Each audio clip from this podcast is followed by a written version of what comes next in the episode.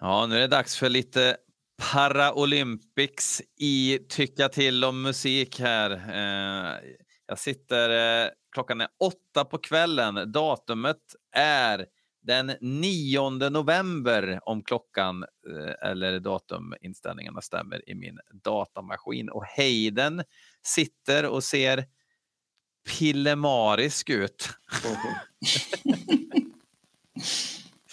Visst gör jag det. Ja, hur är läget? Jo, med tanke på världsläget så är det väl inte så illa. Det brukar Nej. jag säga i och för sig när jag tänker efter. Det, det sades mer förr. Det känd, alltså, när Ukraina-skiten drog igång, då, då, då nämndes det i början av varje avsnitt. Men nu, nu är det ju, alltså det är ju liksom... Nu är det fyrverkerier på Gazaremsan istället, så det är väl dags för en comeback. Kanske. Ja, det är ju parallell krigsföring just nu och på massa olika vis. Mm. Um, Normalt kan man också kalla det. Den som skrattade åt det pappaskämtet i bakgrunden, det var ju faktiskt Tobbe Molin. Tjena! Tjena mors! Tjena mors! Tjena Tobbe!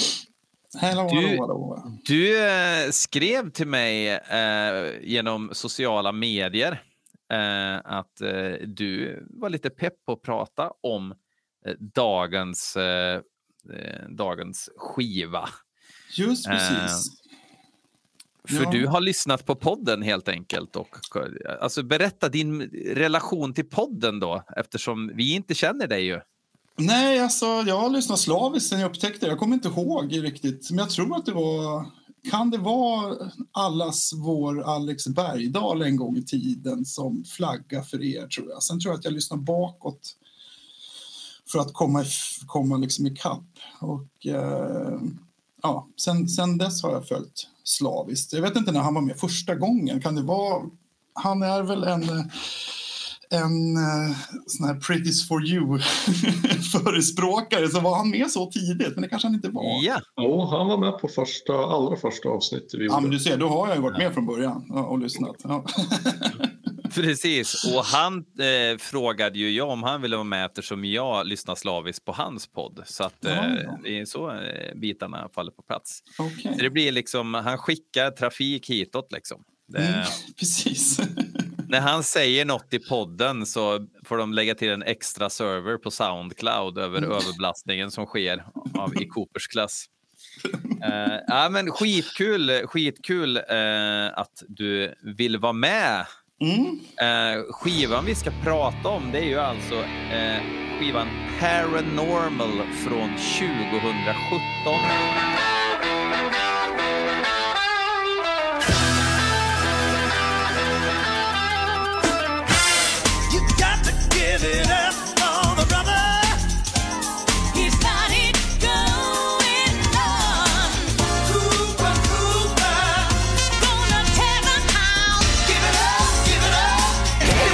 Gonna break it down.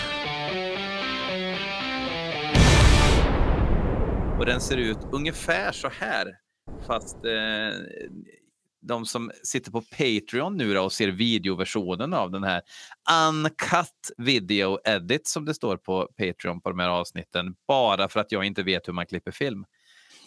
Um, de kan ju de kan ju se eh, mitt spegelvända skivomslag här. Eh, en vinylutgåva som jag tror kom eh, 2017 den också, ja just det. Det här är en originalpressning. Um, relation, Hayden, ska du få börja den här gången? Ja, men det kan jag göra. Uh, ja, alltså det här är ju Alice Cooper-album nummer 27 in Alice och eh, soloutflykt nummer 20. Och Eh, den här skivan vet jag egentligen väldigt lite om. Eh, jag såg den av en slump första gången jag var i en skivbutik i Vilnius i Litauen av alla ställen eh, någon gång sent i augusti 2017 så att jag antar att den var ganska färsk då. Och jag hade inte fått med mig att någon ny skiva med Alice var på ingående utan jag hade kanske mer fått för mig att han eventuellt hade lagt av eller ja, tagit en betydligt längre paus. Eh, jag lyssnade dock inte på den då utan jag gjorde det när jag köpte den ett eller ett par år senare och så eh, blev jag positivt överraskad över hur pigg jag tyckte att den var. Liksom, jag tyckte det var en, en hårdrockig-ish blandning lite grann mellan Hey Stupid och Killer eller någonting. Uh, utan att gå händelserna i förväg, men jag tänker någonting måste jag väl ändå säga om den där. Mm. Uh, men det kändes lite som att den föll mellan stolarna och dessutom föll i glömska ganska fort. Uh, men jag vet inte om det bara är jag som upplevde det så. så med, och med det så lämnar jag över stafettpinnen till det ska vår gäst Tobbe. Det låter som en bra idé. Jo, men eh, för mig så var det nog att det var ganska mycket, vill jag minnas, ganska mycket eh, liksom, eh, promotion på den här skivan. För mig att det var både Bob Esrin och Dinander, jag tror alla var med liksom, och pratade om den. Eh, så jag vet inte, jag blev nyfiken igen. Jag liksom tappade sug. Jag har liksom gått och försökt se de flesta konserterna liksom, som har varit i krokarna och liksom konstaterat varje gång att jag blir ganska trött på det. Det kan, jag ju, kan jag ju tycka fortfarande, det här med ta bort keyboardist och köra tre gitarrer. Liksom, där mycket av backkatalogen bygger ju så otroligt mycket på liksom stråkar och pianon och, och liksom mm. stämningar. Och sen ja, att dela ut det på tre gitarrer och så där, så liksom, det blir ju liksom lite tröttsamt med liksom Dirty Diamonds och, och Ice of Alice Cooper. Det var, det var liksom det var lite motvind kände jag att lyssna på Alice Cooper för första gången. Eh, så att där jag håller med Hayden här att eh, det kändes pikt på för första gången på, på länge. Mm. Um, och uh, ja, jag ska försöka berätta en historia om någonting som inte har hänt här, för jag har ingen, hade ingen relation Eh, mer än att jag köpte skivan tidigt i år. Men eh, jag såg att den fanns. Men, men som sagt, den här podden kom ju igång för att jag skulle göra det här. Jag skulle lyssna på de här skivorna som jag aldrig har lyssnat på eller eh, som jag inte har brytt mig om tidigare och ge alla en chans. Så eh, jag hade, för, hade det inte varit för podden hade jag nog redan hört den, men jag har ju väntat och så har jag gjort med alla skivor. Jag har inte lyssnat en, en ton innan. Um, vad, ska vi, vad ska vi säga om Paranormal då? Han har alltså släppt Welcome to my nightmare. Uh, kommer vi ihåg vilket år det var? 2011 va? 2011 ja, det, det är alltså sex år senare.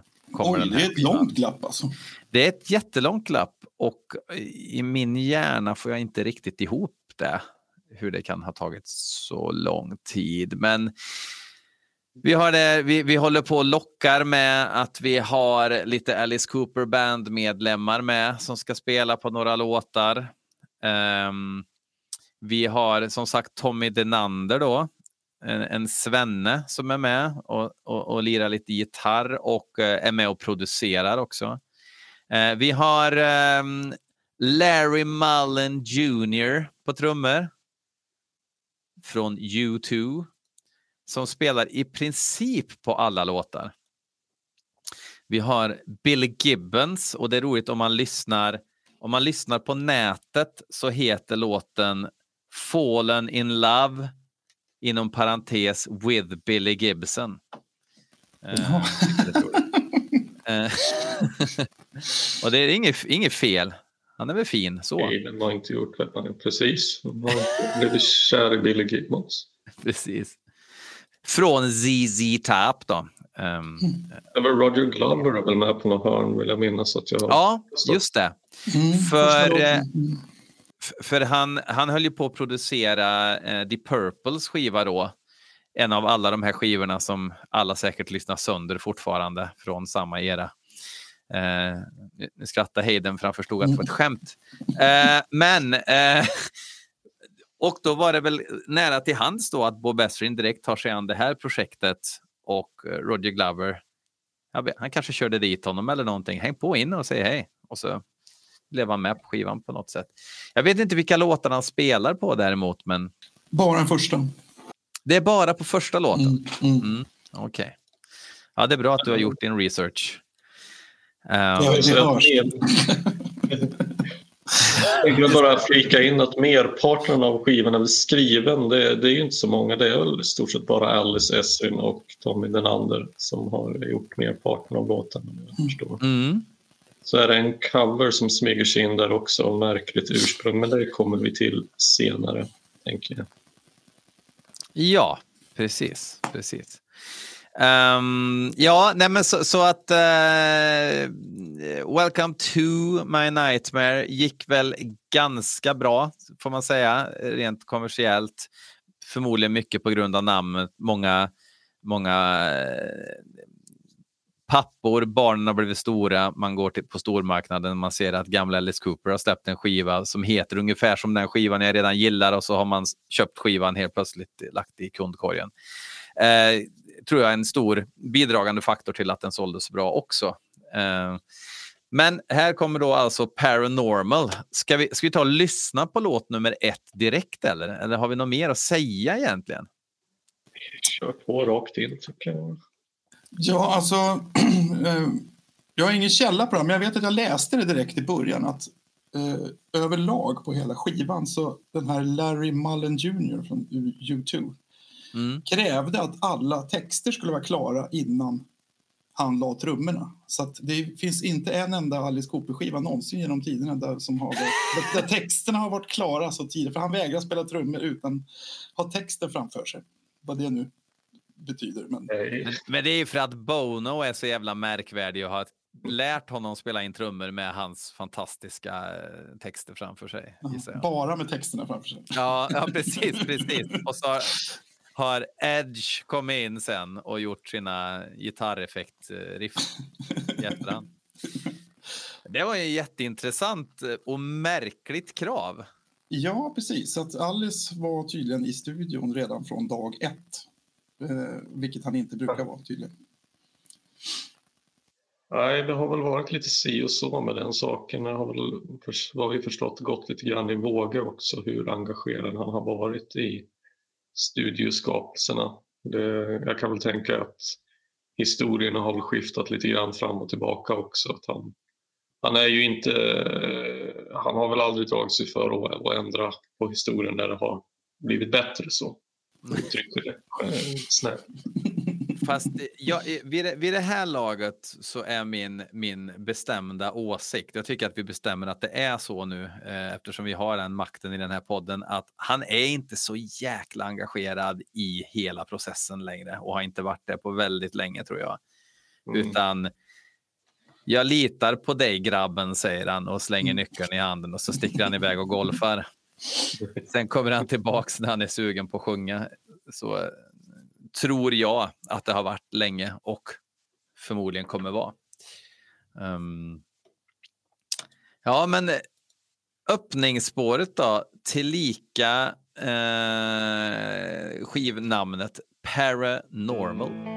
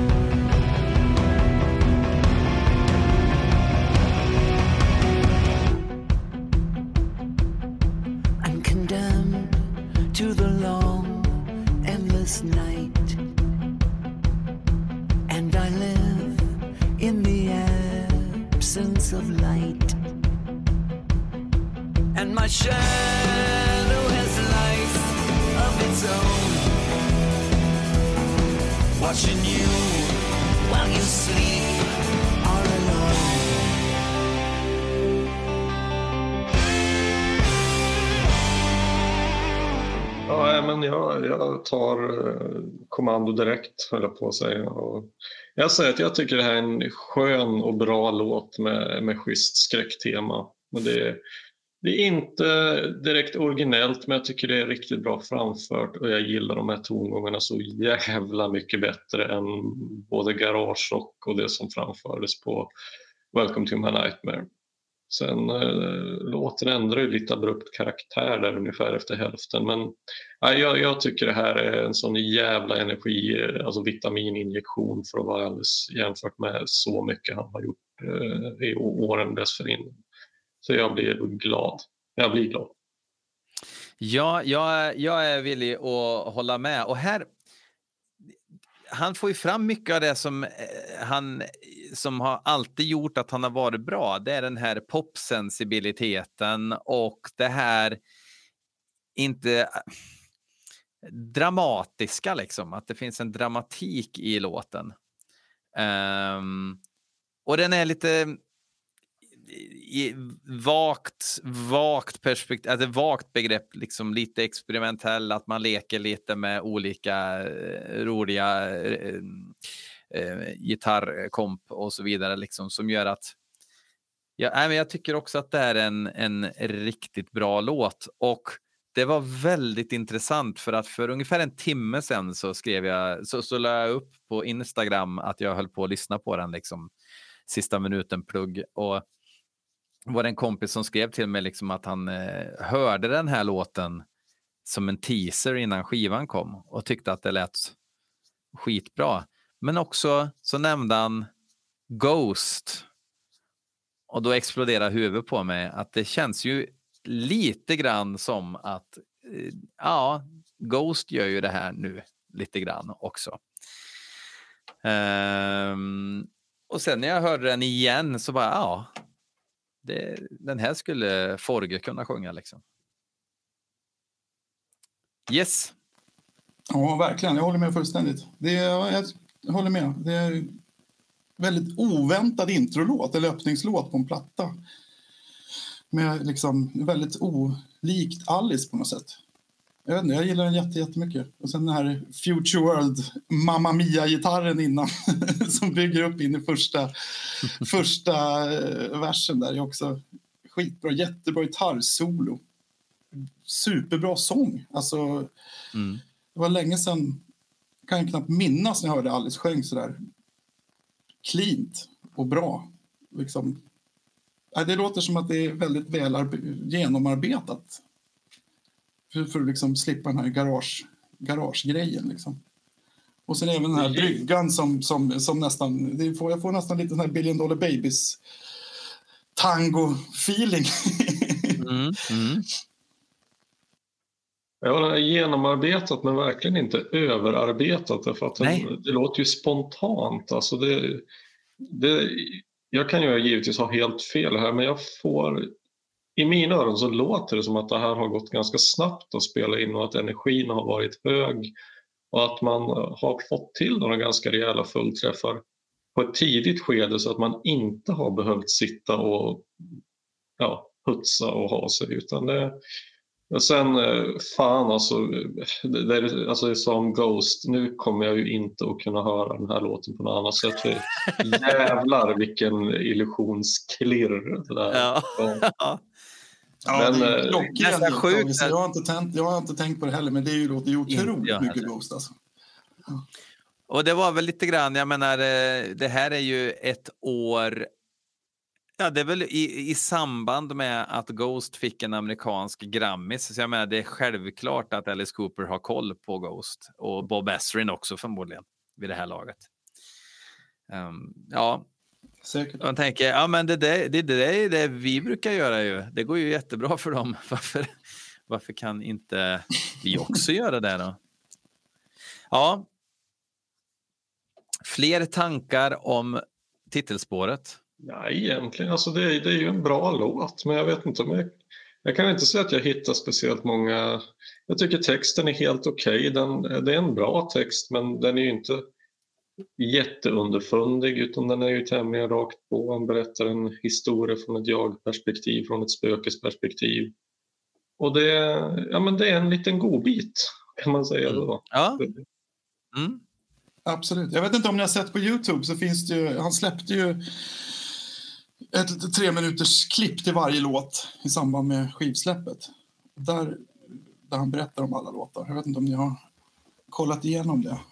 Det var ju lite Nej. tjänstespel, det kände jag inte till. Nej, fan, det skulle man ju... Vad, vad säger han? Ja, ja, i alla fall han själv där tycker ju då att det här, alltså själva intentionen till låten är ju ett försök att göra en ny I Love the Dead eller Sick Things. Det vet jag inte riktigt om jag håller med om. Men Nej. Speciellt eftersom I Love the Dead och Sick Things har beröringspunkter med varann, men inte med den här. nej, jag känner inte Ja, igen det. men- Ja, jo, fast alltså grejen är att jag vet han trycker bara på play nu för tiden tror jag när han pratar om grejer och så. Han, han maler på. Eh, det kan, han kan ju säga precis vad som helst känns det som. Mm. Om man får, om man får en fråga om, om eh, en ny skiva. Mm. Sen så har vi Dead Flies.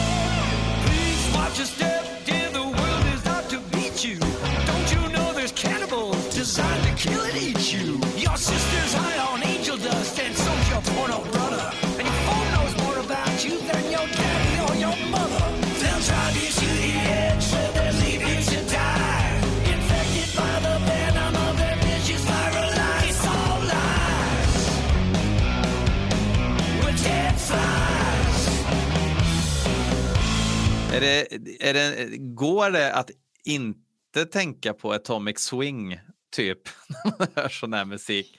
Det Jaha, nej, för jag har en annan, en annan referens. Jag vet inte om Ja. ni har hört, eh, jag vet inte om har hört Robin Trower någon gång. Men han har en låt som heter Day of the Eagle och det är, alltså, det är så jävla rakt av så att det är genant.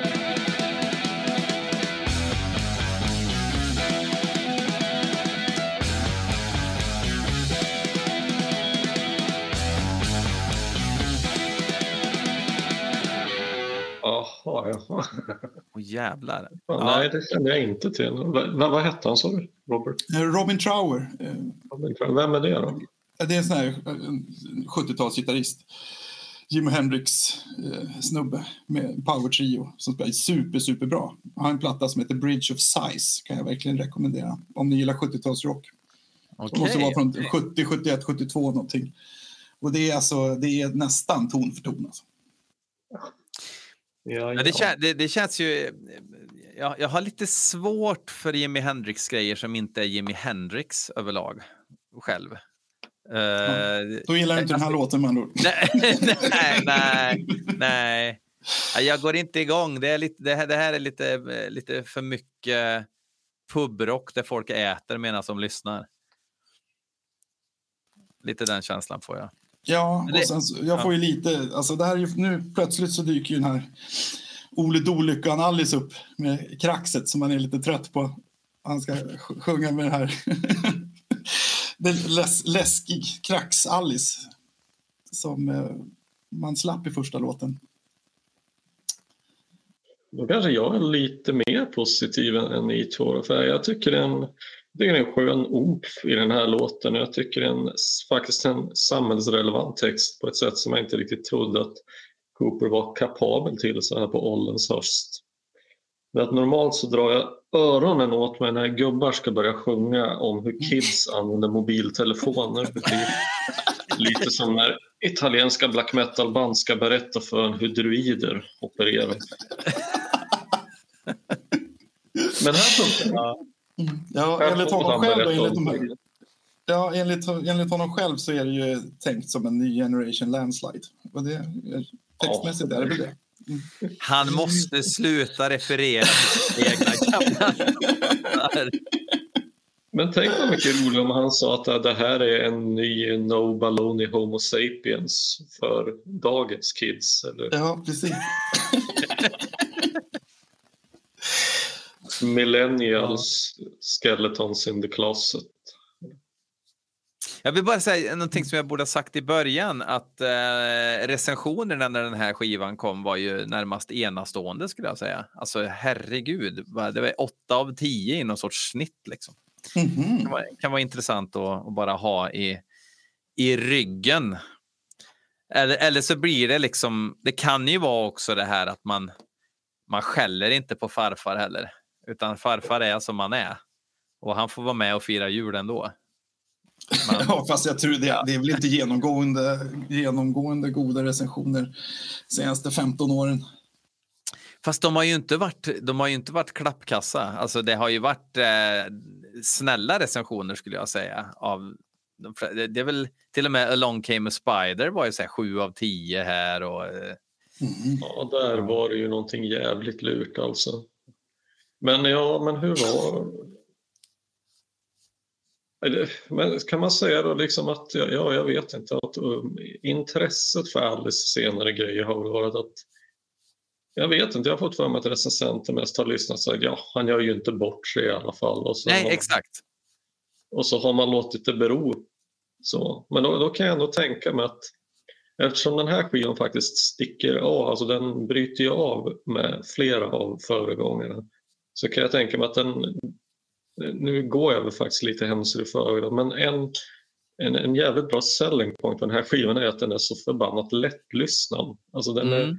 kort, eh, den är koncis, låtarna är rakt på sak, de drar inte ut i en evighet. Alltså, jag, jag, menar, jag tycker bara själv att när man sitter och lyssnar igenom högar med rat och ogudaktig karaktär, Mm. alltså man blir så jävla trött i roten och man blir så glad när man plötsligt bara stöter på en skiva som, är, som man fattar på en gång. Alltså, Mm. den är bra och den går, alltså den är lättlyssnad. Eh, easy listening. For Och sen så är, är det ju bara en vanlig sån här eh, Sweden Rock artikelbild som skivomslag också. Det här, Ja. Det här är så jävla... Är inte det här skittråkigt? Jag vet inte om ni kommer ihåg det, men alltså, i samband med att skivan släpptes så kunde man ju gå in på hans hemsida och ladda upp foton så man kunde byta ut ena huvudet mot sig själv. Det var någon sån här bildgenerator. Likadant, Ja. Long came the spider hade väl också en jävla sjukt att man, med någon spindelgrej. Va? Men här skulle man kunna få vara på samma omslag som, som Alice då, var tanken. Alltså, liksom, fast bara, bara som en bild alltså, Ja, nätet. precis. Ja. ja, jo. Jag kanske hade något annat för mig den dagen, i och för sig. Jag får, jag får erkänna att när, när den här dök upp, nej jag hade ju... eh, jag- jag vet inte om det är att man kanske inte riktigt blir exponerad för grejer i reklamsammanhang på samma sätt som förr om man inte eh, så att säga, söker upp det mer själv och om inte algoritmerna eh, står lika rätt som stjärnor. Och så där. Men jag märker att så mycket av det du berättar nu Tobbe, nej det, det hade inte jag fått med mig alls. Att jag, jag märker att jag kanske, jag, jag har väl uppenbarligen alltså helt fel när jag säger att jag, jag trodde att den här liksom bara kom och gick. Men det verkar ju ha varit mycket mer promotion i så fall och ståhej kring den än vad, än vad jag någonsin fick. Ja, jag med. tror det. Och jag tror att Esrin också var ganska nöjd med den. Och för jag har för mig har sett någon sån här 45 minuters special liksom, med honom när han pratar om Ja, om allting, liksom, allt från Kiss och Pink Floyd, där, men fastnar just på den här skivan. Liksom. Och det var mycket, mycket snack. Så att, men, men jag håller med om den, den försvann lika fort som den kom. Men den kom nog lite mer än vad det brukar. Men är det inte också så att eh, någonting som jag tycker ändå hörs på skivan också, att det låter ju faktiskt som att det har varit, eh, att de har haft eh, en jävligt bra stund i studion. Alltså att det låter ju, som du säger, att det finns en energi i det och att de säkert, eh, att, det var en väldigt bra upplevelse som kanske färgar av sig på de inblandade. Inklusive Bob då såklart som var styrman liksom Mm. Det är klart att det, då, då, sånt spelar väl in gissar jag när man tänker tillbaks på skivor som Mm. man har spelat in. Eller tänker tillbaks, det är inte så jäkla länge sedan. Ja. Melodi nummer tre. Fireball. Fireball!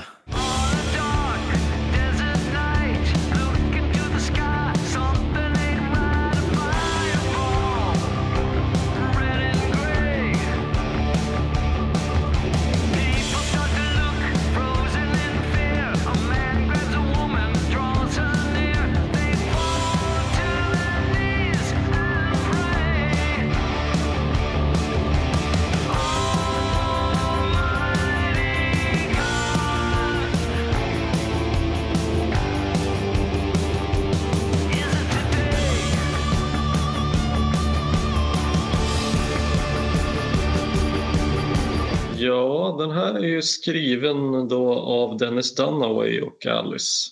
Mm. Så jag undrar om det här egentligen är en gammal låt i grunden som det inte blev någonting av från tiden det begav sig. Eh, Jag tycker den låter väldigt, den är ovanlig för att vara Alice men ändå Mm. hemtrevligt bekant. Det är lite tjutande Hammondorgel och ackordväxlingar som skulle kunna vara tagna från en Lake of Tears-skiva. Eh, Eh, och i och med det så är det här en nutida favorit för min del för jag älskar den här låten. Jag märker att jag får den på huvudet jävligt ofta och jag tycker allt är bra, framförandet är bra, musiken, alla bitar, textidén tycker jag är kul. Det handlar om någon som drömmer om en katastrof i form av en meteorit som är på kollisionskurs mot jorden. Det finns ingen Bruce Willis att skicka upp och borra sönder den heller. Eh, och sen så vaknar han och så inser att aha, det, nu händer det på riktigt precis det jag dröm, drömde om. Så att det sket sig i alla fall. Det var inget kul att vakna från mardrömmen. Ja, ja, jag tycker det är en sån jävla hit helt enkelt. Helvete vad jag hade haft den här på mina gamla blandband. Om Mm. Ja, jag, jag håller med. Det är, det är som ett freight train. Det bara tar aldrig slut. Det bara tuffar på. Sen säger ju Alice också i de här klippen som finns på Youtube att det är Neil Smith som spelar trummor på den här låten. Men eh, det Jaha. kan vi väl nästan vara överens om att det inte är. Jag tror inte det. Ja, nej, det tror inte jag heller.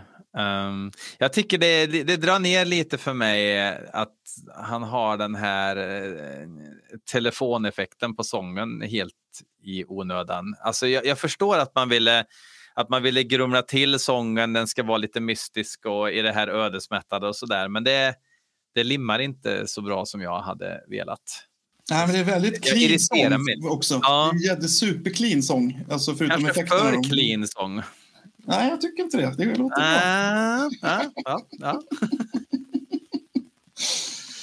Ja, och sen Ja. är det ju även på gitarr här så är det ju Dennis Dunaways gitarr, eh, gitarristkompis från den här Blue Coop som han har ihop med Mm. Blue Oyster Cult.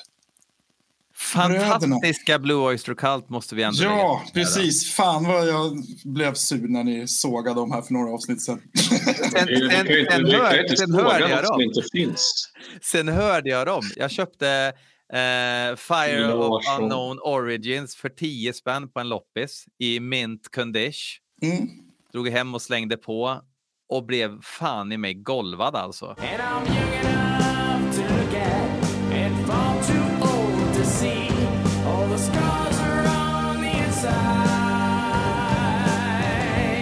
Ja, jag säger det. Det är grymt. skiva! Lars. Grymt. Du är the last man on earth nu, Hayden. Mm. Mardrömmen var sann. Ja, jag tycker, jag tycker att det här är en bra låt. Eh, inte blandbandsvarning för mig. Jag märker att jag inte är lika lyrisk som ni är. Men, jag, alltså, men det är bara för att ni är så lyriska. Mm. Hade ni varit negg så hade jag sagt ja, men det är en bra låt. Hade jag sagt då. Men det, det går inte att säga någonting nu utan att låta som eh, eh, Lasse Kongo liksom. Så att, eh, yes, då hoppar vi till eh, Paranoiac Personality.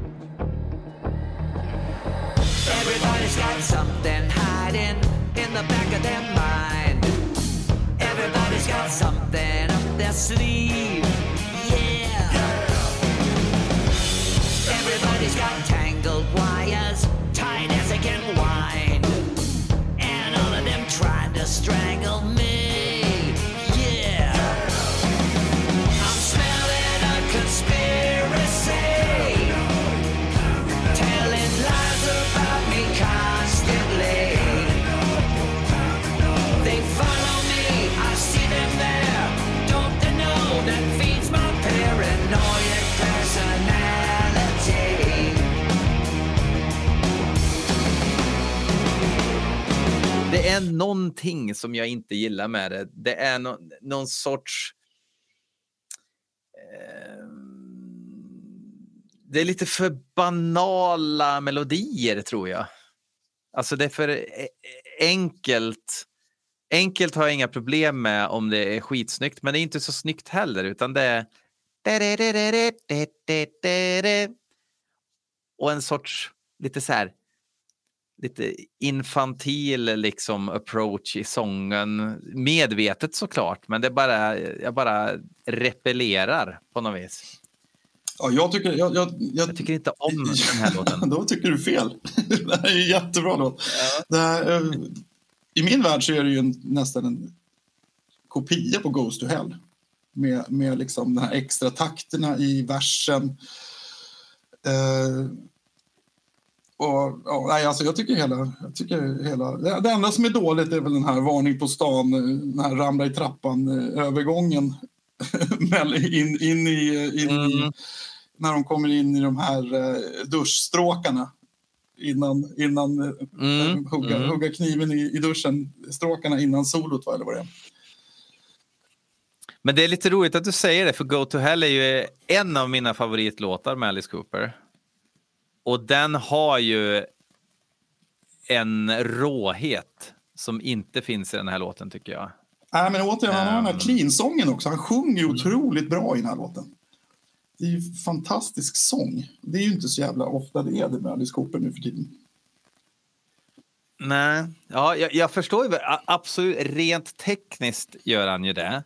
Men jag får också den här vibben av att Astrid har slängt in såna här lägga rätt toner-pluggar och grejer som gör att det blir så statiskt och inte så mycket känsla i framförandet. Jag tror att det, det har nog en hel del med saken Jag skulle kunna tänka mig liksom en, en drogad Alice med, med eh, kinapinnar i frippan som står och liksom och, och står och liksom kvider ur sig den här melodin. Då hade det funkat Ja. jag. det var den enda ja, låten som, hängde, som fick följa med ut på turné. Det är ju helt, helt Turnén obegripligt. efter så körde de en låt till va? Ja, det är nästa. Men Nej. inga händelser i förväg. Nej. Men jag, jag märker att jag hamnar nog lite grann i, i mitten av er två. Att jag, jag tänkte att jag tycker det här låter lite fresh i form av main, This Maniacs in Love with You-känsla. Men så är det precis som du säger att det är ju väldigt mycket Go to Hell. Eh, Jag vet inte varför jag inte tänkte på det själv. för Det är otroligt självklart nu när du säger Mm. det. Med de här Eh. lunkande trummorna. Och sen den där extra, att man lägger till den extra eh, svansen också så att det inte det är inte raka vänder liksom. Mm. Mm. Och så tänker jag lite grann också på ja, men några av de här mm. låtarna från typ Zipper Catch Skin and Make That Money. För att det, är... mm. liksom stampande fyra fjärdedel solin. Så kort och koncist igen och så tycker jag det är kul eh, tämligen relevant texten om konspirationsteorier, teoretiker och vad alternativa fakta har för inverkan både på samhällsstämningen och, och individen själv. Men, men jag tycker att det blir inte så här tråkigt predikande utan ganska... Även om det är väldigt explicit så går det ner på en individuell okej personlig nivå som jag ändå tycker känns genuin. Alltså, jag kan köpa att han tycker så här på riktigt, att det här är ett problem. Men eh, han har en, en galghumor, en svart humor, en satir som jag tycker att det funkar. Kanske att jag tycker att med, med ett sånt tema så skulle man kunna gjort lite mer av låten.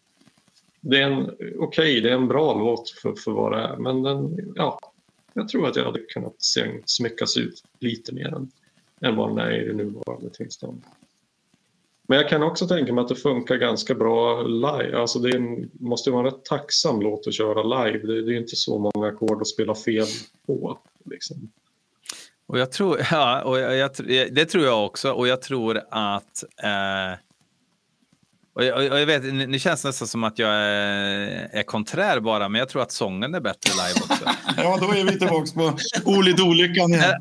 ja, ja, när, när, man, när han får, när han får liksom jobba mellan eh, tonerna mer, det här mindre statiska liksom, Mm. ja, framförandet. Mm. Men eh, med det sagt ska vi hoppa över till nästa låt. Vi pratar om eh, låtar från skivan som framförts live. Just precis. Mm. Mm. Eh, Fallen in love with Billy Gibbons.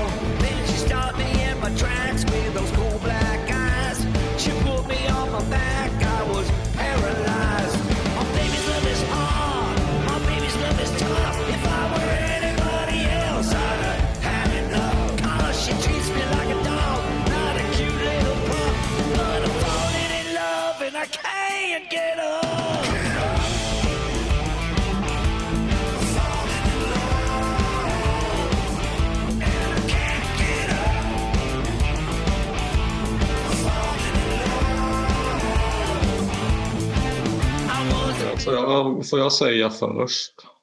Mm. Ja, den här körde han ju live förra året när vi var och såg honom. Men eh, det är ingen kastlåt, men jag tycker det var ett sånt jävla trist val. Jag hade så mycket hellre hört någon annan bit från den här skivan, vilken som helst. Mm. Och det är Garage Shuffle med eh, 70-tals CC Top ACDC-känsla. Och det, det är väl bra levererat av Alice med en ospennande text och jag vet inte, det här med att ta referenser till sig själv, jag vet inte fan jag ställer mig till det. I was a billion dollar baby. ja, Men, nej, jag vet inte. Det, det är inte dåligt, men vad fan, det, det är ju kanske den minst spännande låten på skivan, tycker jag. Ja, jag, har också, jag har också svårt för sån här dussin prostatasväng. Mm. Bra, bra exakt, exakt så. Ja, det, det, det är inte många timmars sammanhängande sömn i de här riffen. Utan det är det är upp, upp, upp och kissa shuffle. Um, ja, nej, men det är jag. Jag, jag har eh, faktiskt ingenting att tillägga. Det är väl exakt så. En Det- liten bagatell. Ja, eh, en bagatell och... Men jag har hört sämre såna här riff många gånger i mitt liv. Liksom. Det är en, en liten rolig vandring. Alltså det är liksom ett, ett, ett proggigt gubbrockriff. Eh, I ordets vagaste Sen är det, som, det, som, det som är lite störigt också i, i, i de här klippen som jag hela tiden eh, refererar till. Han själv är ju så otroligt nöjd med den här texten. I fallen in love, can't get up. Liksom. Han sitter ju själv och klappar sig på axeln och säger att ah, det blir inte bättre än så. Liksom.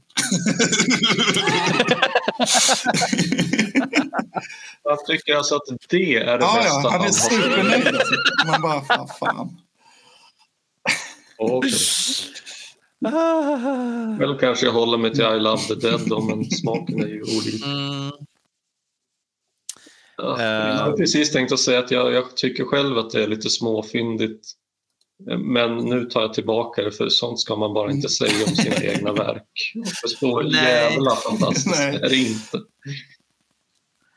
I, inte ens om man säger, jag vet inte ens vart det kom ifrån, det kanske kom från rymden. Ja, fast det är Mm. ditt sätt att försöka låta ödmjuk. Det kom från dig och du tycker att det är smart. Eh, Dynamite Road.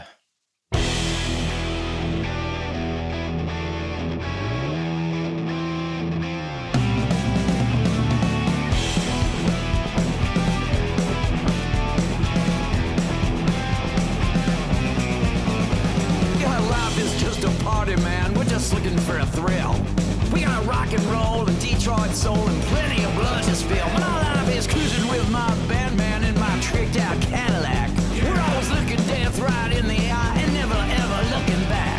See, the night is full of nitro and we just might explode. Cause we're running like the devil up on Dynamite Road. In- Info från Trafikverket att man inte ska köra för fort.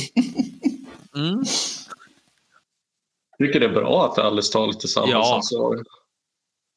Lite som en Stephen King-novell kan jag tycka. Jag tycker jag fan vad han sjunger bra på den här låten. I en liten upptempo-dänga. Mm. Men det, det är väl så, lite grann samma sak här att det, det är ju inte så jävla mycket till, ska jag säga, jag är tacksam för att det inte är så mycket garagerock men det är som jag konstaterat att för att för att garagerock ska vara bra då måste det vara en sjujävisk energi därför att det är så generiska ackordföljder att du måste, det är liksom som blues, att du måste spela det bättre än någon annan för att det ska kännas relevant. Mm. Och det här är väldigt bra framfört men det når fan mig inte upp riktigt till den klass som behövs för, att, som behövs för en sån här simpel låt för att den ska sticka ut på riktigt. jag. Det finns ju skäl till att många försöker spela ACDC-musik och inte lyckas spela ACDC-musik. Liksom. Det finns extremt goda skäl till det. Eh, det är lite samma sak där. Ehm, ja, men jag, jag, jag håller med. och de här... Är ska han ha en tåglåt i varje, på varje skiva nu? Ja. Eller? Vi är lag på det. Fast det här är nästan tåglåt nummer två på den här skivan nu. Om vi nu räknar in eh, Fireball också. Ja, men jag, jag, för, jag förstår båda, men jag, jag, jag håller med. Det, det är ju en... Det var ju en låt på, på Welcome to, to Mm. My Nightmare, alltså Mm. före, föregångaren. Som, som låter fan så här också. Som, den heter väl till och med någonting med Train. Eller, Ja, kanske. Alltså, fan, nu, nu ja, Nightmare minne. 2 har jag jättedålig koll på. Det, jag vet att det är, är det inte den som det är en låt som de gärna spelar in en gång va? på Dirty Diamonds eller om det är på Ice of Alice Cooper. Är det inte någon av dem som är med på den också? Det stämmer, det, det låter jättebekant nu när du säger Mm. men ja, jag, jag märker så här, det är ju förra skivan vi gick igenom och jag lyssnade på den som fan innan dess.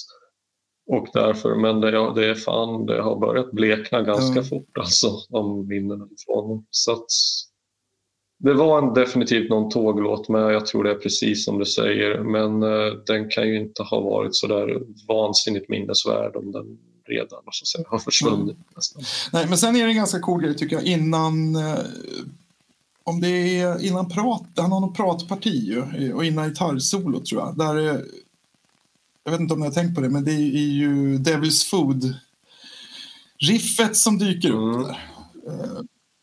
Det, ja, precis. Mm. Fan, ja, det stämmer. Ja. Så man hajar till lite. Eh, vad, tycker, vad, vad tycker vi om sånt egentligen? Alltså när man drar in... För jag, jag, jag är så jag är tudelat inställd till det. Det är som att referera till sig själv som i förra låten med I was a billion dollar baby och så ta in riff från gamla större verk. Är vi okej med det? Vad, vad Alltså du? om det är liksom tematiskt och sådär som i, som i eh, Nightmare 2 då hade han väl absolut kunnat plockat upp lite från ettan utan att man hade stört sig. Men i det här fallet så känns det väl ganska onödigt. Man kan, jag vet inte ens om det är tänkt som en flört till Devil's Food eller om det bara är ett nyskrivet riff som är väldigt likt. Jag vet inte om, om, om liksom flörten är medveten och öppen. Ja, det känns nästan... Men, men det, jag tänker om man ändå håller på så pass länge i studien, men kan, man måste väl nästan bli medveten om det själv. Ja, ja Eller? jag vet inte. Han, man vet inte hur pass medveten han är om, om sitt, hur bra koll det är liksom, när man pratar med, eller pratar med, när man hör gubbarna i Kiss berätta om sitt. De, ändrar ju, de har ju nya versioner av gamla händelser för, var, för varje gång de får frågan. Liksom. Så jag vet inte hur bra koll de har på sin egen historia, Nej. de här gamla revarna som har fått ryggdunkar som knappt kan stå rakt. Nej, men jag, som 87an Axel Maktsson uttryckte i en 91an-tidning att det är bättre med en rejäl lögn än en dålig sanning. Så. Fakta det för folk som inte klarar av att skapa sin egen sanning.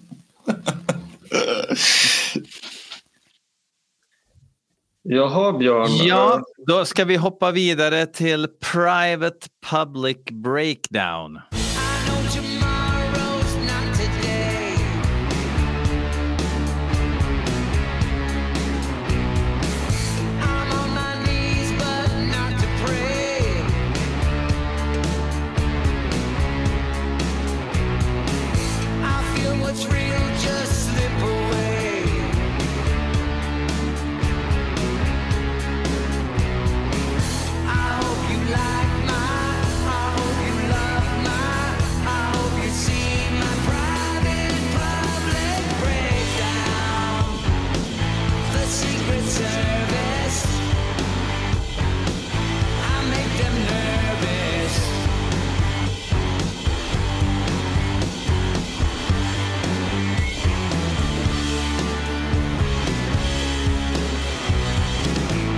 Här är en av de låtar jag märker att jag tappar intresse för ju fler gånger skivan snurrar. Det här är en rätt anonym sak. Ja, och den här låten tror jag var också... Eh, du pratade om en cover förut. Jag tror inte att det var den här du menade då. För den här är också inspelad tror jag Nej. av den här eh, Parker Gisbert som spelar gitarr här också. Det är tydligen från någon soloplatta som aldrig blev någonting. Så att det här är liksom till och med... Den här är ju då liksom inplockad som, som icke egenskriven låt vad jag förstår. Cooper har väl skrivit om texten vad jag förstår. Mm. Han brukar göra Ja. det. Och det är ett oh yeah, har vi kommit fram till ibland. För då tjongar det till, då skramlar det till på Swish-kontot sen. Eh, Ja, den här tror jag inte kommer, kommer Ja. resultera i någon jätteswish. Nej. Nej, men det är väl en, en, en ganska liksom standard rocklåt. Alltså det är till och med svårt att förklara vad det är. Alltså det är en, enkel, enkel rocklåt. Enkel refräng. Det är lite så här spirit in the sky-melodi på versen. Det är en bra Ehm, låt. Det är en bra låt. Absolut. Men ehm, ja, som sagt, det, det är ju inte den här man cyklar extra fort hem från jobbet för att eh, lyssna på. Ja, ja, jag tycker nog att det här är skivans absoluta lågvatten. Jag tänkte du skulle Nej, säga nej. bästa låt där. Jag, jag, varit alldeles... Vem är du? tänkte jag. Nej, det här är väl första gången på plattan som det blir riktigt tråkigt. Alltså det, det finns väl lite hooks och några grejer som förgyllar en annars väldigt trist spettekaka men eh, i övrigt, eller, jag, jag vet inte om det finns så där vansinnigt mycket mer att säga heller. Det är som, ibland önskar jag att jag hade mer att säga om vissa låtar men Ja, ibland är det enligt honom själv så är det ett försök till att göra en new wave-låt. Men eh, den är ju liksom Ja, men- inplockad så jag fattar inte, det är ju inte ens han som har skrivit den. Så. Nej, plus att det inte finns en centimeter new wave i, någonstans i hela låten. Jag blir väldigt nyfiken på vilken, vad, vad, är det för new wave. Nu har ju han, påstår han att han har supit och pundat bort sin egen new wave-period så det kanske är någonting helt annat. Eller han definierar new wave kanske helt annorlunda än vad resten av mänskligheten gör i och för sig. Ja, jag har dålig koll på new wave så jag har inte mycket att till, inflika i den skivbacken. Det, det är väl i, i och för sig, new wave är väl, är väl ett otroligt brett begrepp egentligen. Alltså det är väl allt ifrån alltså Gary Newmans Car till Duran Duran till hur mycket som helst som gjordes Mm. tidiga 80. Alltså det är väl egentligen bara musik som inte är punk men sprunget ur punkattityden någonstans. Precis, men det ändrades ju. Jag menar, det vart ju snabbt jätteteatral, så är det typ Adam Ant och så är det, Ja, så är det någon grumlig linje där mellan vad som heter New Wave och New Romantic. Och, ja, det där orkar jag inte riktigt. eh, Den taxonomin tänker jag inte djupdyka i. det är väl ett försprång till det som blev den stora black metal-debatten. Mm. Men lite kort, lite kort sammanfattat så är det dim- Duran Duran-punk om jag har fattat det rätt. Ja, Ja, ja, det var rätt bra. Jag vet inte om ni såg att Dimmu Borgir har nu spelat in en cover av The Purples Perfect Strangers. Nej, det har gått mig förbi. Så att, eh, nu, eh, nu lägger vi ner black Ja, metal. Nu räcker det. Nu lägger vi locket på. Inget fel på Deep Purple och inget fel på låten Perfect Strangers. Men, men fel, det blir det likt förbannat. ja, fel blir det likt förbannat. Eh, Holy Water.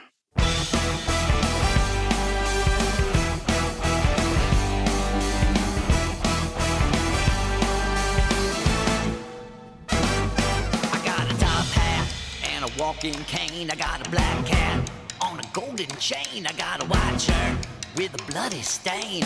Going to the river of love. She got long hair, big brown eyes. She belonged there. It was no surprise. Nothing wrong there. She made me realize we're going to the river of love. We're going down to the river of love.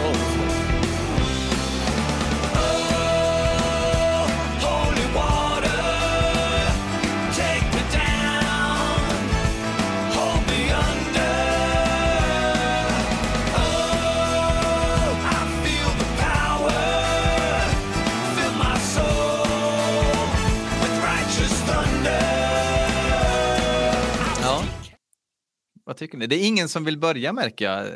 Det, det är någon sorts... det här, ja, precis. Det är en cover. covern du pratade om förut. Ja. Mm. Mm. Mm. Jag har inte hört originalet så att jag går helt och hållet på uppgifter hämtade från Wikipedia. Att det här är alltså ett, ett hiphop-rockband som heter Villbillies som hade Bob Ezrin som producent. Det är de som har gjort det här. Så det är Esrin som är länken alltså. Ja. Och jag vet inte, vad ska man säga, det är ju Broadway med lite snabbare tempo och lite mera rock, eh, komplett med blåsarrangemang. Så här, och Antingen så är det ju riktigt bra eller ganska jävla krystat. Jag blir faktiskt Mm. inte klok på vart jag står Nej. någonstans. själv. Nej, den här låten är så här varannan gång. Trycka förbi och varannan gång så tycker man fan det är lite coolt ändå. Liksom. Och- enligt Mm. honom själv så är det ju en hyllning till pingströrelsen och ska fungera som en glad New Orleans-begravning. Mm. Det var så rätt kul. Vad, bra- vad bra att han har gjort en sån Som låt. vi har väntat. Ja, det behövdes ju. Ehm, nej, men det, det är väl också...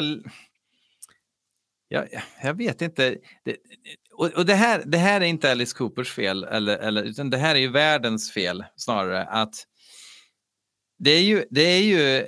Det här låter så organiskt någonting kan göra om man har massa pengar och går in i en studio. Alltså man vill, det är inte en superdigital inspelning, men ändå låter det för, alltså, va, va, så fort någon rör en gitarr så är det liksom en perfekt signal hela tiden. Alltså det här, till, det, låt, det är inte tillrättalagt, men allting låter så perfekt. Varenda skrammel är bortklippt och allting. Och, och så är det på så otroligt mycket när gubbar ska spela in skivor nu för tiden.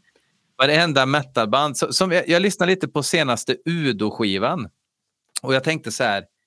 Hade de här låtarna varit inspelade 1986 så hade det här säkert låtit rätt bra. Liksom. Men det går inte att lyssna på den här iPad-trummisen och den här eh, iPhone-gitarristen och den här. Alltså det går inte att höra på. Det är ju, heavy metal är ju synt Ja. idag liksom. Nej, det är ju ingen, Hur man än det är vrider och liksom vänder på ingenting det. som skaver i dagens produktioner. Liksom. Det är ju, Nej, och då finns heller ingen energi kvar i det. Liksom. Ja, jag, Ehm. jag håller helt med. Jag, jag har försökt att formulera det här i huvudet själv men jag inser att precis det du säger, det, ja, men jag, jag håller med till 100 procent. Det är som en konstig artificiell levande energi som, som finns där men ändå inte. Och sen vet jag inte, för att tar man, jag tycker så att tar man den här låten för vad den är, så utan att vara gnällkritisk så funkar det. Men det, men det skulle verkligen också behöva någonting som ger låten mer identitet. För jag tycker också att det blir lite grann en uppvisning i hur man skriver sån här musik. Det är som, jag vet jag sagt det före någon tillfälle, att det känns lite som en uppgift 1A om man studerar musikkomposition. Att men så här Mm. låter Broadway ungefär. Mm. Och sen så är det, hur ska jag säga, det, hade det varit ett, eh, ett estetmusikprojekt så hade det ju fått jävla högt betyg För att det är väldigt bra framfört och man, det, det är bra gjort, det är skrivet, det är bra sjunget och allt sånt. Men eh, det blir inte mer än så. Det blir bra men det blir inte... Det saknas den där riktiga gnistan. Och, och så är det ju, alltså. eh, Nu pratar du även om själva låtbyggandet här, men jag menar just produktionsmässigt så är det här ett problem som vi får leva med. med väldigt, alltså det krävs, det verkar nästan som att det krävs relativt unga personer eller tvärs emot farbröder eller gummor för att man ska få till en skiva som låter bra. I, i den här tiden. Liksom. Är man lite aningslös och inte intresserad av studioteknik så kommer man ut med en produkt som låter så här artificiell. Liksom. Och det är, det är fruktansvärt tråkigt med tanke på att de är ju i en riktig studio, är jag helt säker på, med reglar och skit. Liksom. Men, men de bara kapar av det med sina digitala grunkor och redigerar allt i, i, i Cubase. Liksom. Men det, Och det, går att få en, det går att göra en jättebra skiva i Cubase. Det är inte det som är problemet, utan det är liksom de här default-inställningarna som finns på allting som man även hör här, tycker jag. Men det är ju Bob fucking Esrin. Alltså nog har man väl Mm. rätt att förvänta sig lite mer än en generisk Cubase-produktion. Alltså, Jo, fast Esrin. ingen ljudtekniker i världen kommer säga att den här skivan låter dåligt. nej, nej. För i studioteknikervärlden så är den ju perfekt. liksom. Ja, men det, jag, jag, jag ska dra till med en liten eh, liknelse, eller jag fan vet om det är en liknelse. Men, eh, vi, vi har en eh, gemensam bekant som heter Joel och av honom har jag köpt jävligt många skivor genom tiderna. Mm. Uh, åtminstone de senaste åren. Han brukar lyssna på det här när han åker bil mellan Stockholm och Sundsvall för övrigt. Ja, ja, det var, hej Nu sparar han. Cooper-avsnittet. Ja, så, hej, nu körde han av vägen vid E4. Eh, ja, vid, vid ett tillfälle så köpte jag närmare, vad fan var det, fem eller 700 skivor av honom i binge. Och eh, merparten av de skivorna var, det hade inte alls någonting med metal eller rock utan det var mer eh, indie, ambient, eh, shoegaze och sånt. Sånt. eh. Och jag har lyssnat på nästan samtliga ska, ska sägas. Och problemet är inte att, är inte att någon av, jag har inte upptäckt att någon av dem, jag tycker inte någon av de skivorna är dålig, men det är bara att de är ganska bra allihop och därför så Mm. sticker ingenting ut heller. Nej. Och precis så här känner jag med sådana här produktioner att ingen Mm. kan säga att det låter dåligt men det kommer aldrig när allting låter ganska bra, ja men då blir det ju ganska tråkigt i alla fall. Det kommer inte, Mm. kanske inte bli dåligt, men man drunknar ju i vad som ändå blir väldigt generiskt oavsett hur hög kvaliteten är i grunden. Ändå. Alltså säga vad man vill, men om någon drar på en Justice for All och jag trillar, trillar in i rummet, så alltså efter en hundradels sekund så hör jag att det är den skivan. Liksom. Just den Eh. har ju en väldigt speciell ljudbild. Väldigt speciellt. Ja, jo, men jag, det, det jag hörde på, på eh, Ride the Lightning också direkt. Jag Ja. hörde även på Master of Puppets. Alltså för att, för att du kunde inte gå in i studion och få exakt samma ljud. För att det var liksom, eh, ja, Ledin-citat, tillfälligheternas spel som gjorde det också. Alltså att, att det kanske var kallt i bilen när de forslade stärkarna dit på morgonen så fick det ett lite annorlunda ljud än vad det hade fått annars. Alltså allting spelade in. Och det är också det som är coolt med analoga studios. Du går ju inte till en analog studios för att du ska få exakt samma ljud som någon annan, för det kommer du inte kunna få heller, för att det kommer bli unikt även om du använder samma liksom, redskap, för att det är ett organiskt ljud du jobbar med hela tiden. Det finns ju inte så många analoga studios i och för sig, men karaktär liksom, eh, skadar ju inte. Att Go to Hell låter ju inte exakt som en annan Alice Cooper-skiva från samma årtal. Liksom. Från samma årtal i plural. Nej, jag Eh. håller med. Det, det är ju det som är lite coolt också med, eller det som blir väldigt coolt med den här blackout-eran. Att, ja, man hör ju direkt att det är hans eh, tidiga 80-tal, hans, eh, den eran. Men skivorna är individuella. Det är, Dada låter ju fan mig inte som, som Special Forces som inte låter som Flush the Fashion. Nej. Ja, ja, vad säger ni? Ska vi gå vidare till nästa Ja. Ehm, det blir då Rats.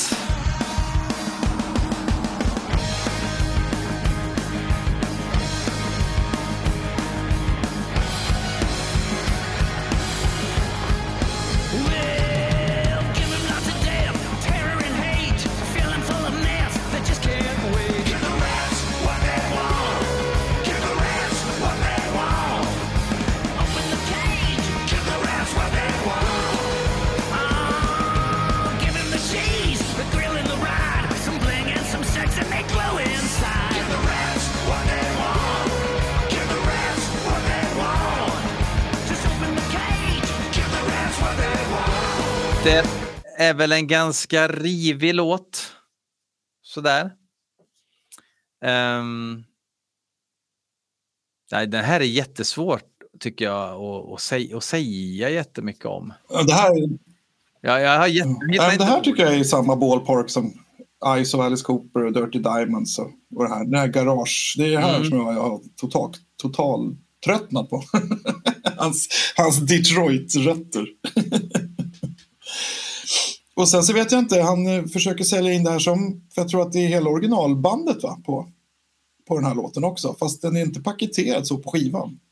Nej, precis. Men är det det på den här? Jag har fått för mig det, jag kan ha fel. Um, Eh, jag- För det jag, jag får för mig att, för det, det är ju två, jag vet inte riktigt hur man räknar antalet låtar på den här skivan för att nu är vi, på en version av skivan så är vi nu på näst sista låten.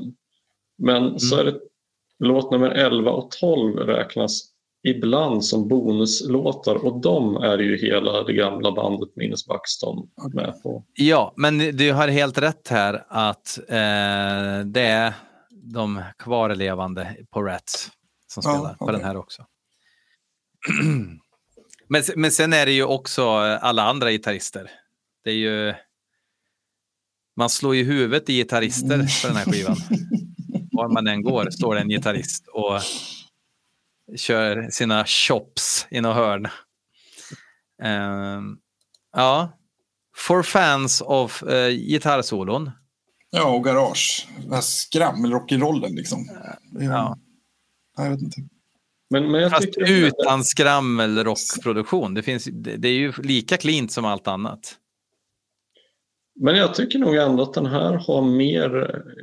Jag, tycker, jag lyssnar ju hundra gånger hellre på den här låten än på typ eh, merparten av eh, Ice of Alice Cooper och Dirty Diamonds. Faktiskt. Jag tycker att den här har energi men det är också lite grann det enda det har. Det, Mm.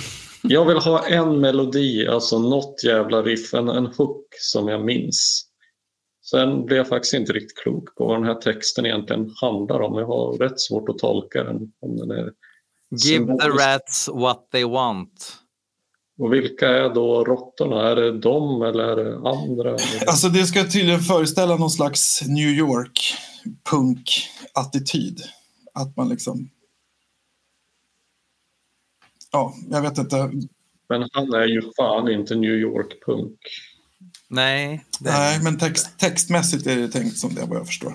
Det, han går igenom det ganska... Mm. Återigen de här YouTube-klippen som jag tycker ni ska kolla på.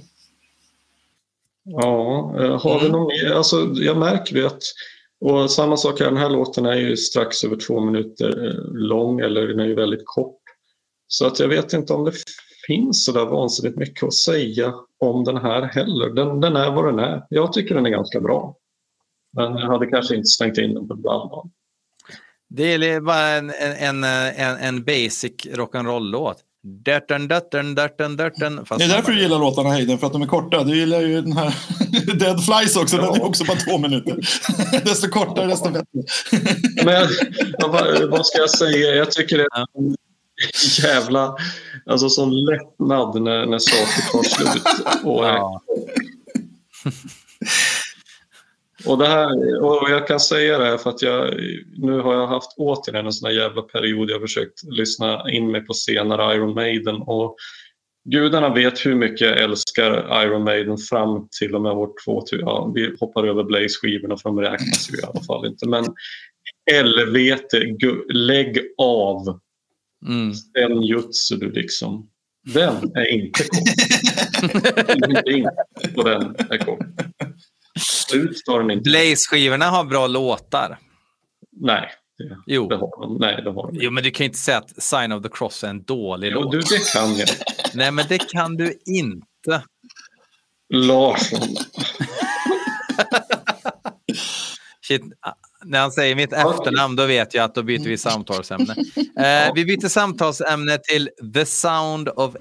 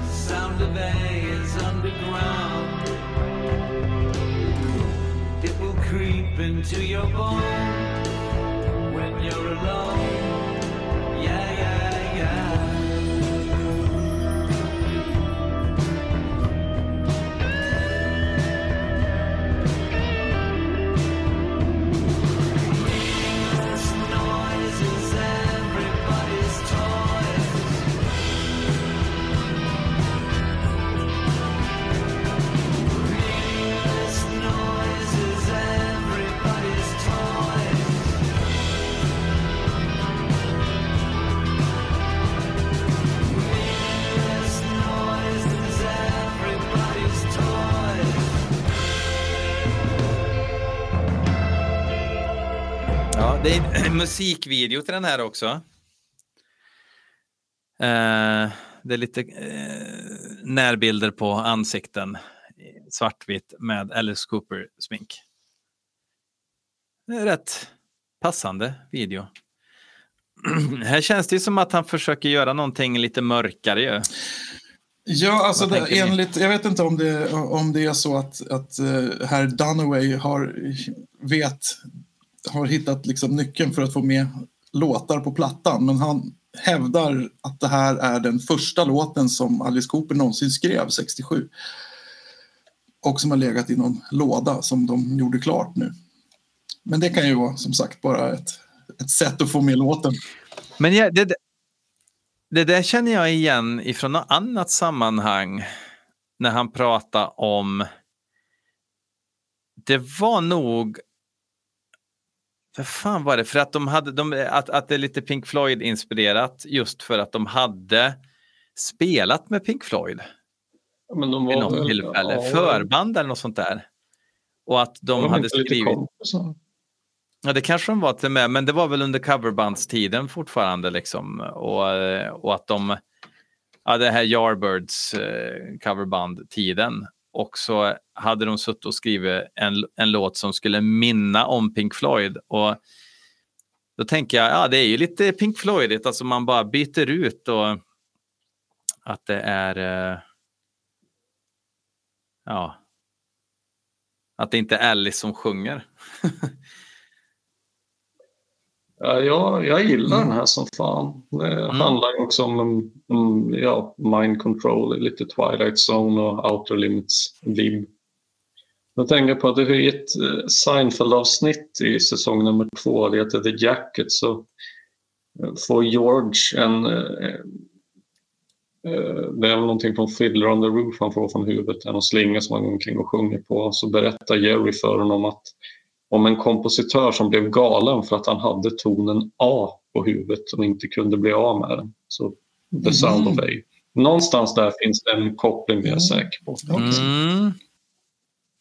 Men eh, ja, jag vet inte, jag tycker den här låten är svinbra. Det, jag kan bara konstatera att ja, de, de bästa låtarna på skivan är ju de som enbart Dunaway och Cooper har gjort, Mm. verkar det som. Faktiskt. Mm. Men det, det, det, är ju också, tänk den här låten då med en eh, 68-produktion. Med den, den, den ljudbilden som limmar bra med den musiken som spelades in på den tiden. Ja.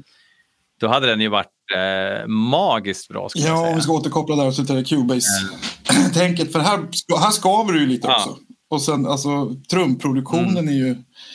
Det är ju ingen säga-matta överhuvudtaget på virven och liksom så här 70, otajta Nej. 70-talspukor som får sjunga. Det är ju inte liksom sönderkomprimerat det här. Här är det ju Nej. faktiskt... Ja, det låter bra. Det är en Mm. skön låt. Det är ju kanske mm, tillsammans med öppningsspåret tycker jag nog att det, det här öppningsspåret och sista spåret på den här skivan tycker jag är de bästa låtarna. Just för att det känns som, eh, det känns som eh, riktiga låtar, om du förstår, förstår mig rätt. De känns eh, mer kreativa, mer inspirerade. Inte bara nu ska vi skriva en sån här låt. Liksom. Mm. De känns som låtar från början som sen har klätts snarare än att vi har kläderna, nu ska vi få ihop låten. Mm. Som jag tycker det känns ganska mycket på de här låtarna som man inte har så mycket att säga om. Ehm, Men hur gör vi då? Mm. Ska vi ta, pratar vi om de två? Eh, Jag vet inte, räknas de som bonuslåtar låtarna här. Genuine American Girl. Ja, och sen You, you and All Your Friends är väl med också på min vinyl i alla fall. Hur ser det ut? Nu blir, nu blir jag helt snurrig här, det har ni helt rätt i. Jag, jag har ju de låtarna fast i någon sorts annan ordning. Jaha, Jaha. hur fan, hur... För på min, det är en dubbel-LP, 45 varvs. Det är lite Ja, coolt. precis. För på, ja, du ser nu. Ja. Då är- så är ju Sound of A sist. Ja, men You and All of Your Friends och Genuine American Girl kommer innan sista spåret på vinylutgåvan. Ja. Ja, det är en lustig paketering på den här åter, återföreningen. fan man då då? Har ni inte lyssnat på de andra två fantastiska låtarna? Jag, jag, jag har definitivt gjort det. Eh, Ja, jo, jo men jag, det, det har ju jag också gjort efter den jag har. men, men, men jag gick från Wikipedia-låtlistan nu, så jag har inte tittat på LP nu. Och det är klart, de är ju också med. Ja, men ska vi Eh. prata om Genuine American Girl då? Ja,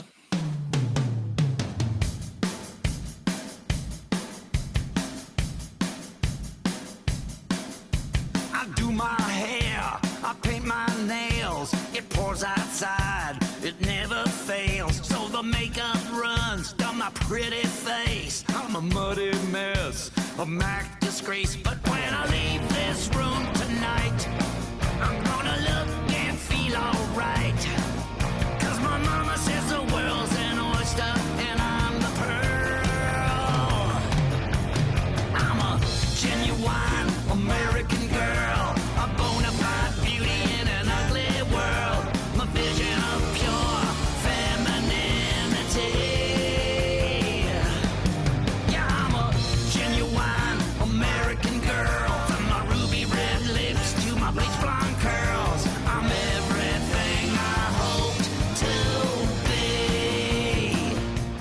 Ja, det finns väl en anledning till att G, E-moll, C och D är den mest använda ackordföljden i rockhistorien och pophistorien.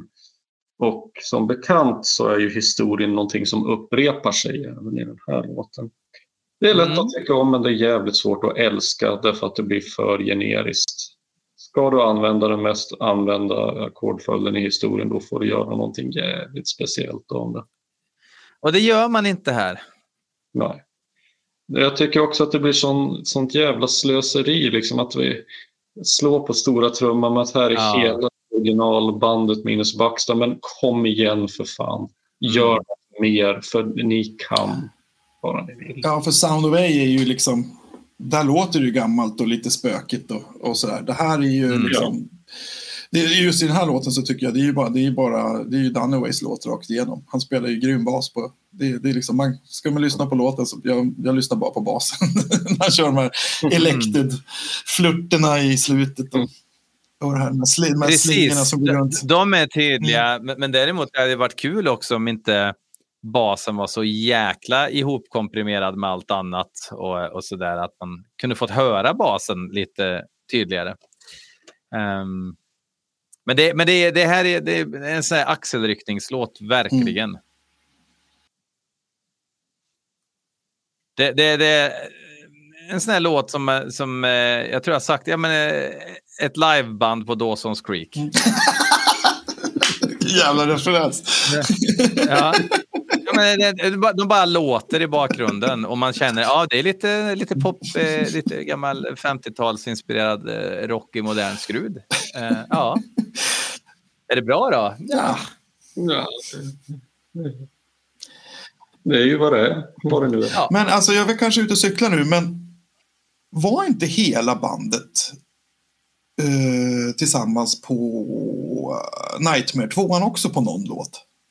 För det är väl inte, det är väl inte första gången de träffas nu. De, och det ska liksom göras en sån grej av det. är Som du säger, det är så jävla bortslarvat med, med två Mm. pisslåtar. När det dessutom, dessutom inte var första gången. De gjorde det ju några år innan. Liksom. Mm. Ja, nej, det, det är ju otroligt.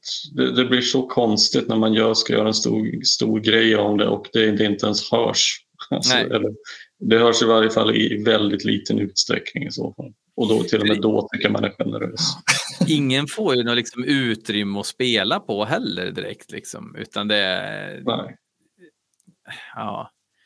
För jag men menar, det var ju, bandet var ju att, att allas identitet var så jäkla tydlig i hela tiden och att man gjorde roliga, spännande musikaliska utsvävningar, intressanta melo melodiska liksom, partier utan sång och sådär. Men nu är det liksom så här vers, refrängmusik eh, som, ja, absolut. Alltså de, de, de, här låtarna skulle de nog inte ha skrivit då, tror jag. Nej, jag håller helt med. Ah, Precis, därför att då, de, de var ju väldigt inne på, jag menar det skulle ju vara skeva tongångar som inte lät som någonting annat. Nej. Och det var ju även det Bob Ezrin hörde och verkligen liksom slipade till. Mm. Så att det, det blir, nu när du säger det, det är en jättemärklig grej att göra och få det som en stor grej. Mm. Jag tycker att den här andra låten då, som blir sista på min version, You and all your friends, jag tycker den är lite bättre för den minns jag i varje fall. Jag tycker det är en rätt kul text också, lite Jesus, apokalyps, återkomst. och, ja. Eh, Men man har ju rätt att förvänta sig mer av originalbandet. tycker jag. Jag håller med. Och sen, sen, sen blir jag också att att man har någon låt som är, som är väldigt snäll på en skiva har jag inga problem med. Men det, det blir för mycket snälla låtar. Alltså att det är så jävla snällt. Alltså det är, det är så mycket dur hela tiden.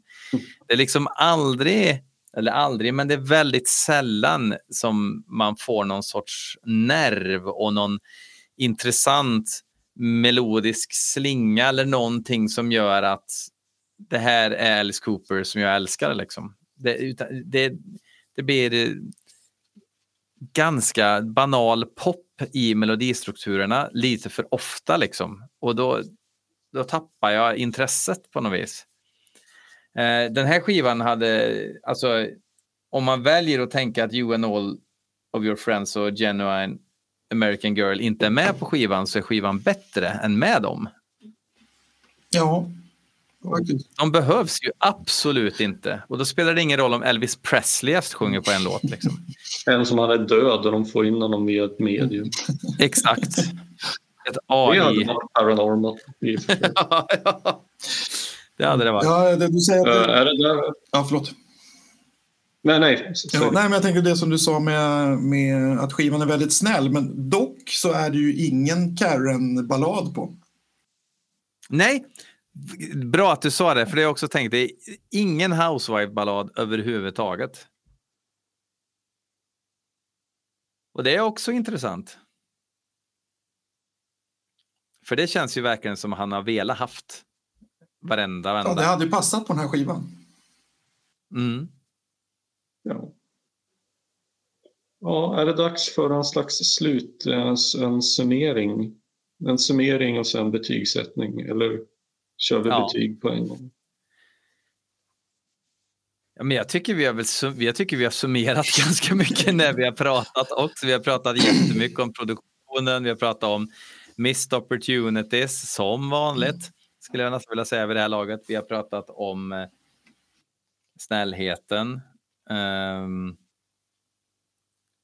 ja, det är, det är väl dags för betygssättning tror jag. Ja, vad har vi för skala idag då? Eh, ja, mellan 0,0 och 1. Okej. ja, vem börjar? Ja, jag kan börja. Och jag, verkligen, jag jobbar ju på att att inte vara för snäll. Uh, för det, det, det har ätit upp mig lite i efterhand när vi har gett skivor faktiskt högre betyg än vad de förtjänar. Ja, vi har två panglåtar. Och så har vi några låtar som... Uh, ja, Fireball är också riktigt bra. Även om jag inte tycker att den håller hela vägen igenom.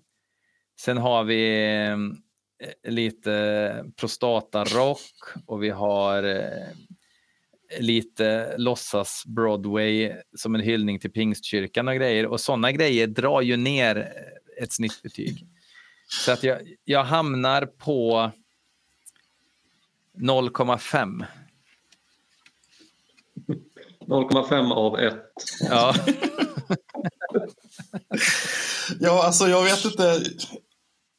Den här Spotify har ju såna här årsbästa listor som man får varje jul, va? eller när det kommer i december någon gång.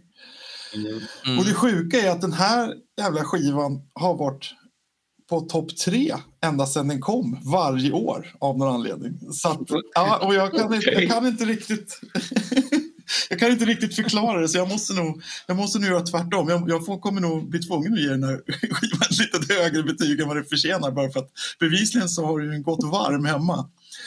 Eh, Ja. sådär. Så jag ger nog 0,7 i alla fall tycker jag. Men det är nog också för att jag blev så otroligt Mm. positivt överraskad av de här nya framförallt den första halvan av skivan skulle jag säga och Sound of A. Som jag tycker är en riktigt Mm. rejäl uppryck, uppryckning både musikaliskt och framförallt hans sångmässigt. Jag blev så glad när den kom. Mm. Och glädje gillar vi i det här klassrummet. Mm. Ja. Mm. Ja. Tänk efter nu Hayden för fan. Ja, ja, ser, den där tystnaden är inte slumpmässig kan jag säga, utan det är mycket lidande bakom det där ansiktet. Är. Eh, nej, men så här. Jag trodde att jag skulle ha lätt för att betygsätta den här skivan. Jag vet, jag säger ju alltid att jag har så jävla svårt för att sätta betyg. Men med den här skivan upplevde jag faktiskt någonting jag inte gjort tidigare med, med Alice Coopers skivor. Och det är att den började jävligt... Jag tyckte det satan var bra. En sån jävla uppryckning, uppryckning jämfört med, med, med 2003 och framåt. Så bästa albumet på 14 år och det tycker jag fortfarande. Eh, experimentellt för att vara Alice lite grann men inom etablerade ramar tyckte jag. 12 låtar på 37 minuter eller 10 på 34, 30, ja någonting. Men sen, märker jag, alltså, sen tyckte jag ännu bättre om den. Eh, alltså om den började på typ 0,6-0,7 så tyckte jag att helvete det här är så jävla bra så att jag är uppe på liksom 0,9 av 1 eller 9 av 10. Jävlar! Ja, men sen så ju fler varv jag lät den gå inför den här podden, det här avsnittet, desto sämre tyckte jag att den blev. Det var som att lysten bara mattades av nästan för varje varv. Och plötsligt så tyckte jag att så många av låtarna lät jävligt mycket mer generiska än vad jag hade uppfattat ifrån början. Så jag, jag vet inte, jag har lyssnat på dem sjukt många gånger, jag har ändrat uppfattning. Jag har inget emot att låta den gå många varv men jag tror inte att jag kommer att återkomma till den här skivan i någon riktigt större utsträckning. Utan jag tror att det kommer att bli en sån där platta som jag alltid minns som bra men som jag egentligen inte lyssnar på. Men ja, samtidigt är det ju som det också att som med vissa filmer och böcker, de, de kan vara svinbra men man har ju inget riktigt behov av att vare sig se om dem eller läsa om dem särskilt ofta. Nej, men jag, jag tror jag hamnar som, som Tobbe säger, det är 0,7 tror jag blir det mest eller, rättvisa i det här sammanhanget. Och just nu tycker jag den är lite sämre. Det kan vara för att den har fått gå för många varv på ett svep. Kanske jag kommer tycka bättre om dem om två, tre år. Ja. Mm. Det är sjukt att jag hela tiden har fallen in love with Billy Gibbons riffet i huvudet. Men det kan, det kan ju vara för att det är världens Det bästa är text också. Ja, det, jo, det- så, så kan det ju vara. Eh, ja, men eh, fan. Ja.